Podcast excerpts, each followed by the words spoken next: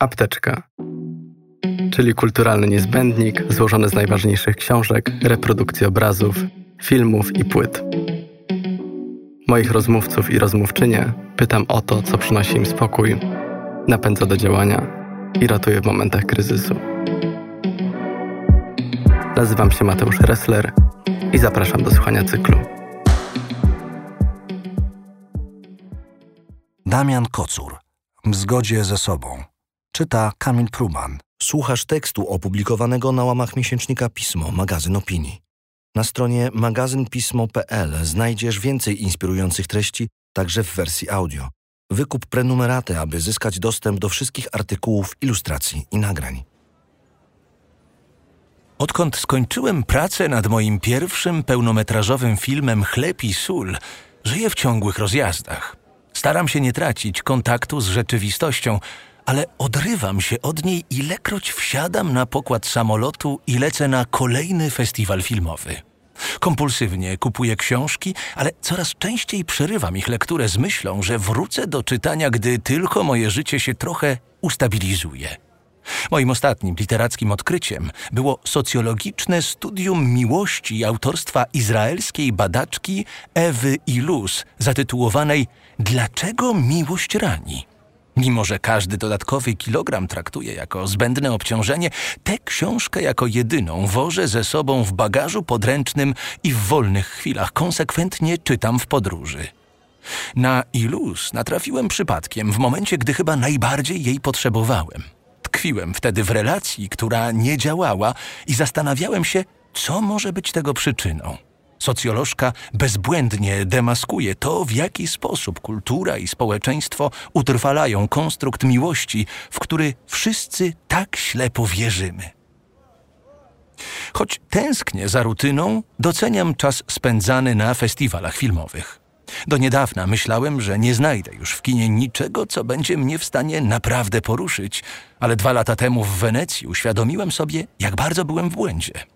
To tam obejrzałem Pod ziemią w reżyserii Michelangela Frammartina. Na początku omyłkowo wziąłem jego dzieło za dokument, ale jest to tak naprawdę film quasi-dokumentalny z akcją osadzoną w sierpniu 1961 roku, w którym samotne życie lokalnego pasterza przeplata się z eksplorowaniem jaskini w Kalabrii, uznawanej za najgłębszą w Europie. Historie opowiadają obrazy i dźwięki. To w nich znajduje się cały ładunek emocjonalny. Tym podejściem Fram Martino całkowicie wywraca do góry nogami współczesne teorie anglosaskiej kinematografii, z czym jest mi bardzo po drodze. W kinie najbardziej interesuje mnie jakiś rodzaj prawdy. Reaguję alergicznie na wszelkie próby oszukania mnie, na stosowane przez reżyserów i reżyserki tanie triki, byleby tylko uczynić z widza emocjonalnego zakładnika – Każda oznaka nieszczerości, przewidywalny warsztat, powielony schemat są dla mnie tym, co rozsadza kino od środka i sprawia, że film przestaje być atrakcyjnym medium do opowiadania o człowieku, a przecież jest do tego idealnym narzędziem.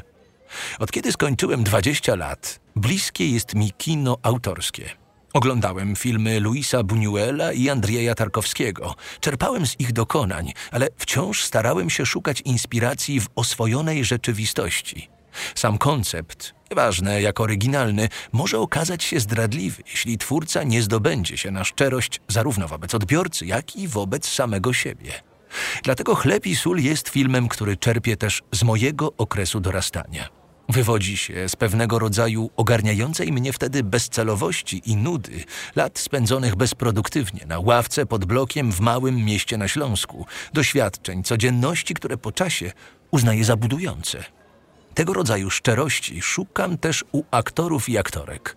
To dlatego, zamiast pracować z profesjonalistami, wolę angażować do moich produkcji naturszczyków.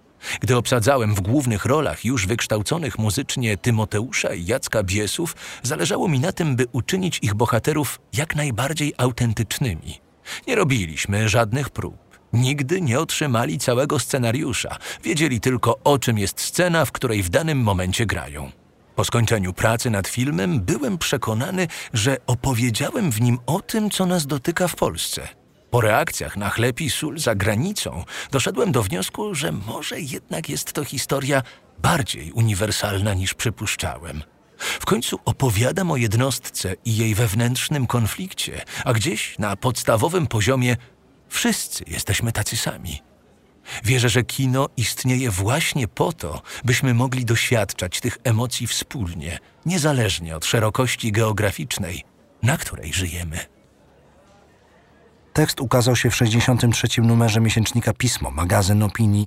Czytał Kamil Pruban.